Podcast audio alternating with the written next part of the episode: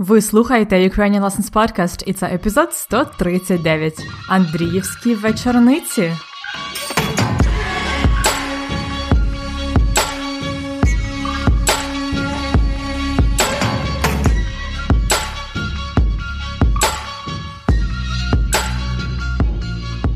Привіт-привіт! Мене звати Анна, і ви слухаєте подкаст Уроки української. Подкаст для всіх, хто вивчає і любить українську мову. Як справи? У мене чудово. Сьогодні я отримала дуже гарне повідомлення з Австралії. Це повідомлення для мене і для вас, слухачів подкасту від вашого колеги, слухача подкасту з Австралії. Симон розказує нам про свою подорож українською мовою, тобто про те, чому він почав вивчати українську мову і як він це робить. Це буде дуже цікаво. Готові послухати його історію? Е, Привіт, Ukrainian Lessons Podcast слухачів. Мене звати Симон Жуківський. І я написав трохи е, про свою подорож е, українською мовою. Треба було написати, тому що це трохи дивно говорити немає нікого, а відповісти мене. Але є таке. Мені 22 роки. Я живу в Австралії, але очевидно від свого імені я українець. Тобто я маю українське походження. Я перше покоління. Я маю сім'ю тут і також за кордоном, тобто в Україні. На жаль, коли я був маленьким хлопчиком, я не вивчив українську мову, і я був єдиною людиною в мого сім'ї, яка не могла розмовляти українською. Звичайно, це залишило велику дирку в моїй душі, але завдяки вам і вашому подкасту за кожним днем ця дірка зменшується. Я майже 11 місяців займався навчанням української мови. За останні 11 місяців я прокидався однією метою покращити свою українську мову. Я маю вчительку Іну, вона прекрасна і причина того, чому я вмів записати цей аудіоповідомлення і мати рівень української мови, який я зараз маю. За кожного дня я займаюся уроки з нею протягом одну годину.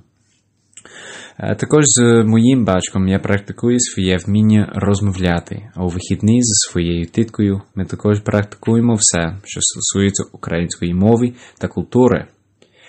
І, звичайно, ваші подкасти є чудовими. Вони дуже корисно і мені дуже подобається, особливо коли я в спортзалі або коли я бігаю.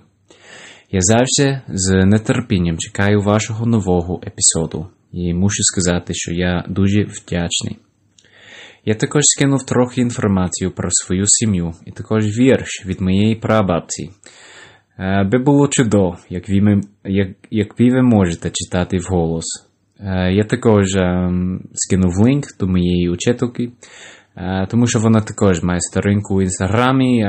Ну, я думав, що це, це напевно, ну, це буде корисною для ваших слухачів. Дякую всім. Слава Україні! Героям слава, Симоне! Дуже вам вдячна за таку чудову і детальну історію про свою подорож українською мовою. Вона справді вражає.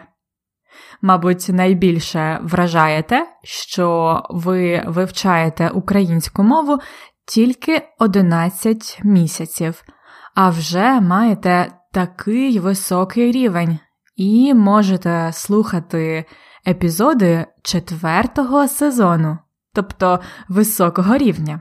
Це справді неймовірно. Дякую, що поділилися з нами. Симон належить до першого покоління українців Австралії. Це означає, що його батьки українці, але, на жаль, у дитинстві він не опанував українську мову, а тому почав вивчати її зараз.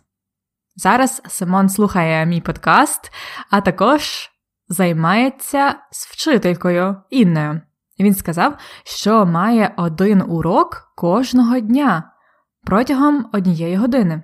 Ого, оце так відданість! Кожного дня Симон займається українською мовою. До речі, він рекомендує вам зайти на інстаграм своєї вчительки. Її інстаграм-профіль learn slash Ukrainian language slash online. Також Симон попросив мене зачитати вірш, який написала його прабабуся. Я залюбки це зроблю. Це невеликий дитячий віршик про кішку. Ось послухайте.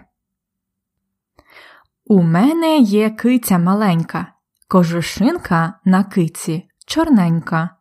Як спитаюся, де ти, чорнявко? Відгукнеться в ту ж мить занявка. Цілий день гріє спинку під піччю, там і виспиться добре, а ніччю, як почне по кімнаті гуляти, де вже, де за чорнявкою спати? Та під ковдру до мене залізе, язичком шорстким руки оближе, та за ніжку мене полоскоче, або сяде над вухом, муркоче, і як я не озвуся, і занявка, моя люба, маленька чорнявка.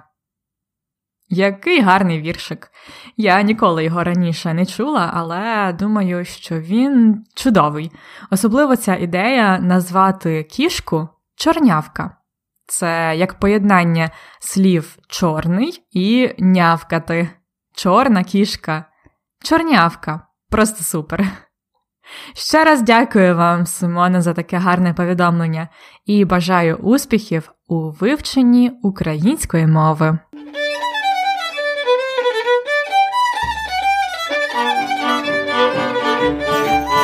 Зараз середина грудня, а отже, в Україні вже розпочався зимовий цикл свят, тобто зимові свята. Як ви знаєте, Різдво, Новий рік це зимові свята. Але є ще багато інших свят в Україні. Зазвичай це дні різних християнських святих.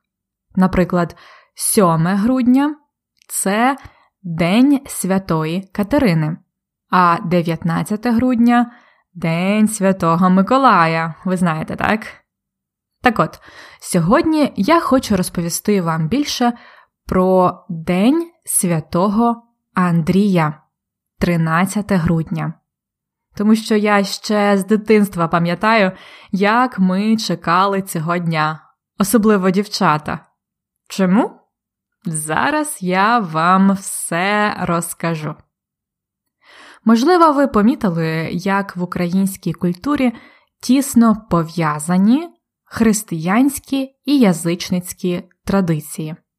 Християнські, тобто пов'язані з релігією християнства, а язичницькі це ті, які були до християнства, тобто віра в різних богів і сили природи, християнство, язичництво.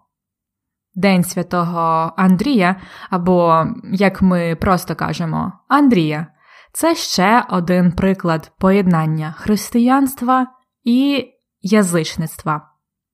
З одного боку, 13 грудня в християнському календарі це День святого Андрія. Андрій Первозванний це апостол, християнський святий. Він поширював християнство у різних країнах і, зокрема, на території майбутньої України. За легендою, він побував на землі, де зараз розташований Київ, і благословив цю землю для великого майбутнього міста. Тому Андрій Перевозванний це покровитель Києва. Ви, можливо, бачили пам'ятник Андрію в Києві, або церкву, Андріївську церкву на Андріївському узвозі. Це все стосується Андрія Первозванного. Але в українській традиції 13 грудня це не лише День святого Андрія, це ще й день, якого колись чекали всі молоді люди, тому що в ніч перед Андрієм, тобто в ніч з 12 на 13 грудня, відбувалися великі вечорниці.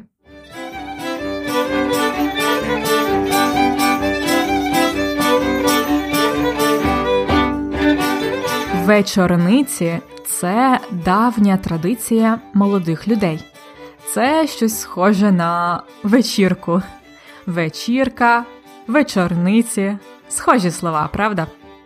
Вечорниці організовували молоді люди ввечері. Вони збиралися і розважалися, тобто танцювали, співали, розказували різні історії, ну і, звичайно, залицялися, тобто фліртували. Вечорниці починалися наприкінці осені і закінчувались в лютому. А Андріївські вечорниці це була, можна сказати, головна вечірка року. Ці вечорниці були особливими і мали свої традиції. Перш за все, це була єдина ніч, коли хлопцям дозволяли робити збитки.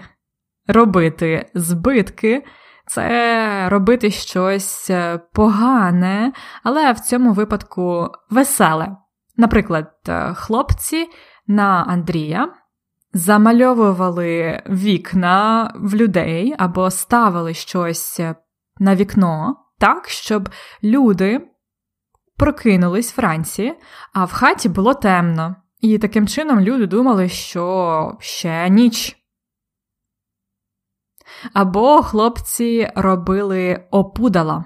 Опудало це така страшна істота, зроблена, наприклад, з гарбуза, так, е, чи з якихось інших матеріалів. Таким чином, хлопці лякали дівчат. Тобто ця традиція трошки схожа на Хеллоуін. Отже, хлопці могли бешкетувати, могли робити збитки, або, як би ми зараз сказали сленгом, приколюватись. І це було нормально робити всю ніч. Хлопцям це прощали тільки на Андрія. А от дівчата займалися ще цікавішим. У ніч на Андрія дівчата традиційно ворожать або гадають. Ворожити або гадати це проводити такі різні обряди, через які можна передбачити майбутнє, тобто дізнатися, що буде в майбутньому. Ви знаєте, які люди часто ворожать, часто гадають циганки. Циганки можуть взяти вашу руку і погадати, поворожити, тобто передбачити ваше майбутнє, сказати, що на вас чекає в майбутньому. Це і є гадання або ворожіння.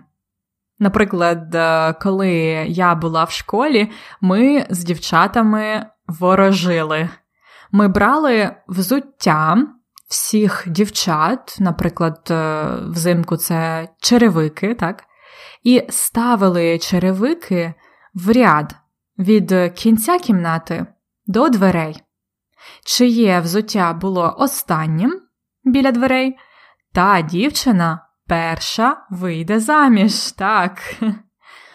Звичайно, більшість ворожінь таких була пов'язана з майбутнім чоловіком, з коханням.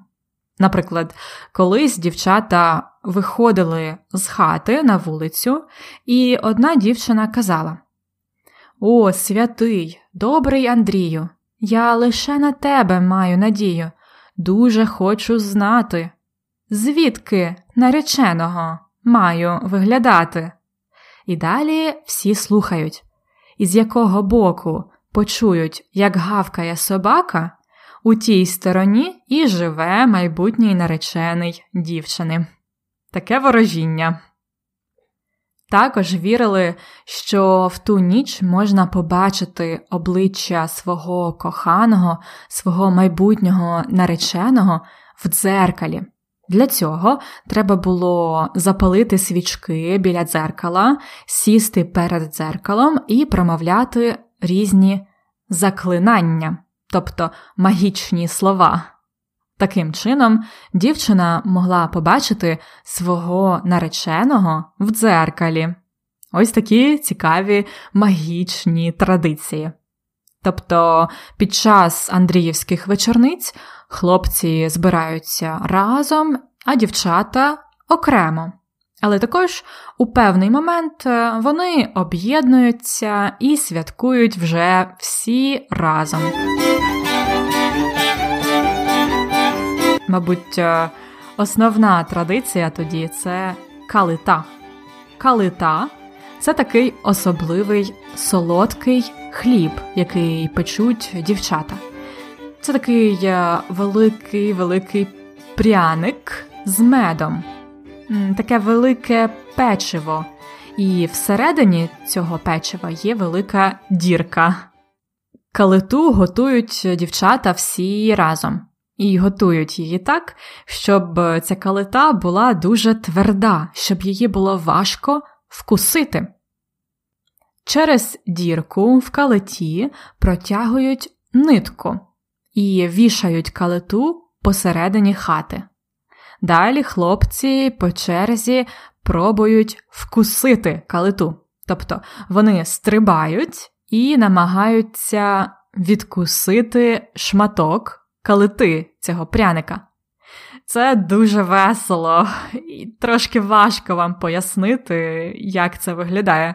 Тому, мабуть, на сторінці цього епізоду я залишу вам відео про те, як святкують вечорниці. Там ви можете побачити і калиту, і ворожіння, і інші традиції. У наші дні Андріївські вечорниці часто організовують для того, щоб відродити цю чудову традицію. Коли я була в школі, ми організовували такі Андріївські вечорниці в класі. Ми одягали вишиванки, проводили ігри, гадали і, звичайно, пекли калиту, яку потім кусали хлопці. Як на мене, це дуже оригінальне і веселе свято. І знову ж таки, щоб краще зрозуміти, що це таке вечорниці, перегляньте коротеньке відео, яке я залишу для вас на сторінці подкасту ukrainianlessons.com риска епізод 139 ukrainianlessons.com slash episode 139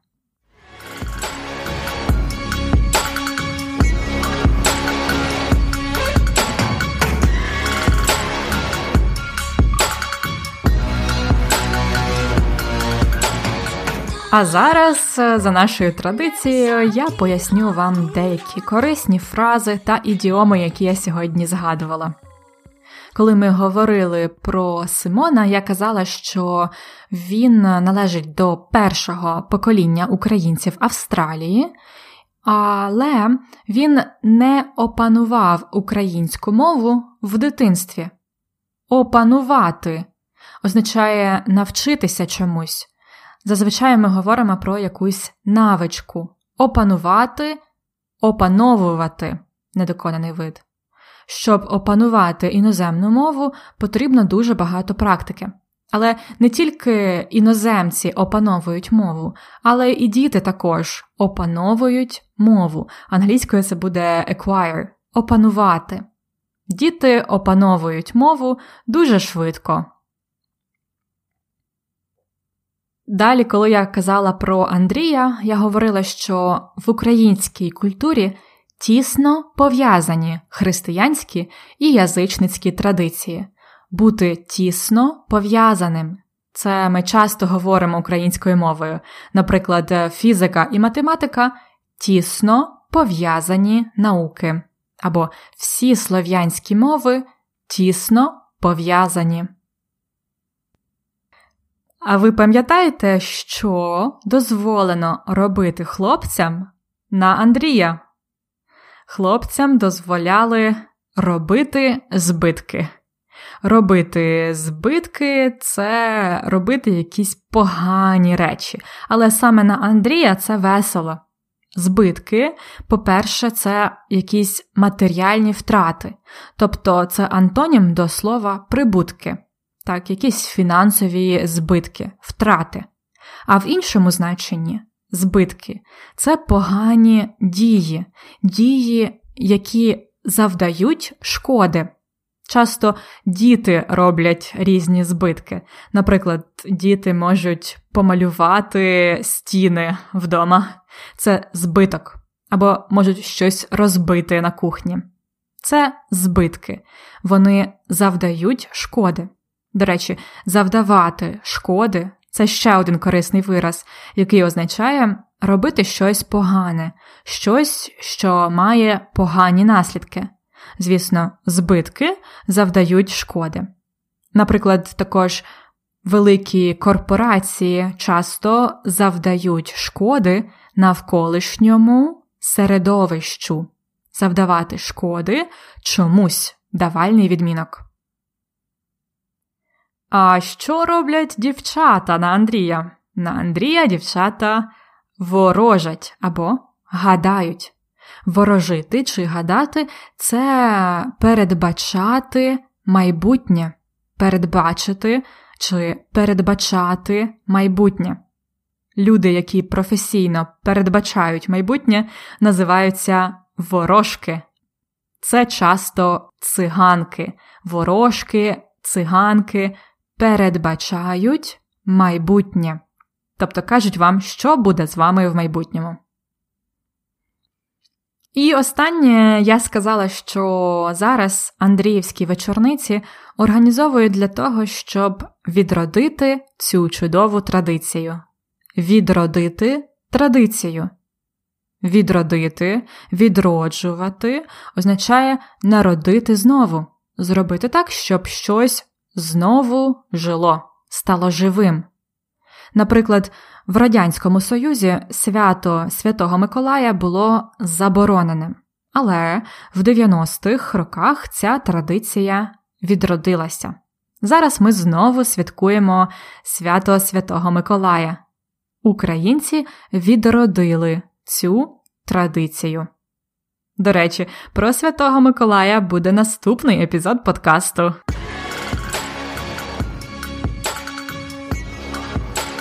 Цікавинка з граматики. Наш австралійський слухач Симон надіслав мені текст вірша своєї прабабусі, і він сказав мені: було б чудово, якби ви могли прочитати його вголос. Це типове речення в умовному способі. Було б чудово, якби ви могли прочитати його вголос. Ми говорили про умовний спосіб у третьому сезоні. А сьогодні я хочу показати вам одну цікавинку. У таких реченнях ми часто вживаємо сполучник якби. Якби це одне слово. Англійською if, якби. Але також українською можна вживати ці два слова окремо. Як би. Ось послухайте. Якби разом якби окремо, тобто відрізняється наголос якби разом, якби окремо. Раніше сьогодні я сказала на Андріївських вечорницях хлопці можуть робити збитки, або, як би ми казали сленгом зараз, приколюватися. Як би ми сказали сленгом зараз? Як би Тут якби це те саме, що просто як. Інший приклад. Як би ви добре не говорили українською мовою, завжди можна щось покращити. Як би ви добре не говорили українською мовою, завжди можна щось покращити. Тут якби це не if англійською, це просто як.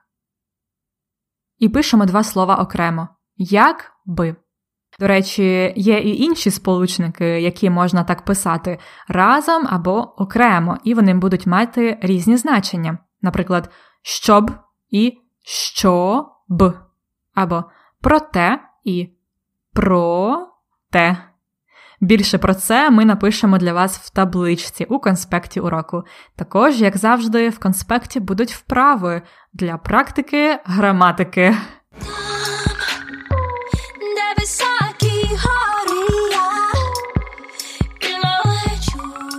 І на сьогодні все. Сподіваюсь, ви дізнались сьогодні щось нове для себе про українську культуру і традиції. А ще сподіваюсь, що повідомлення Симона з Австралії надихне вас опановувати українську мову і, можливо, надіслати мені своє голосове повідомлення. Чекаю на ваші повідомлення на адресу Анна собачка ukrainianlessons.com anna at ukrainianlessons.com А також не забувайте попрацювати над конспектами уроків, які містять повний текст епізоду, таблиці і вправи. Конспекти доступні для тих, хто оформив преміум підписку. Більше про це ви можете дізнатись на сторінці епізоду ukrainianlessons.com риска епізод 139 ukrainianlessons.com slash episode 139 Всього вам найкращого! До наступного епізоду. До побачення!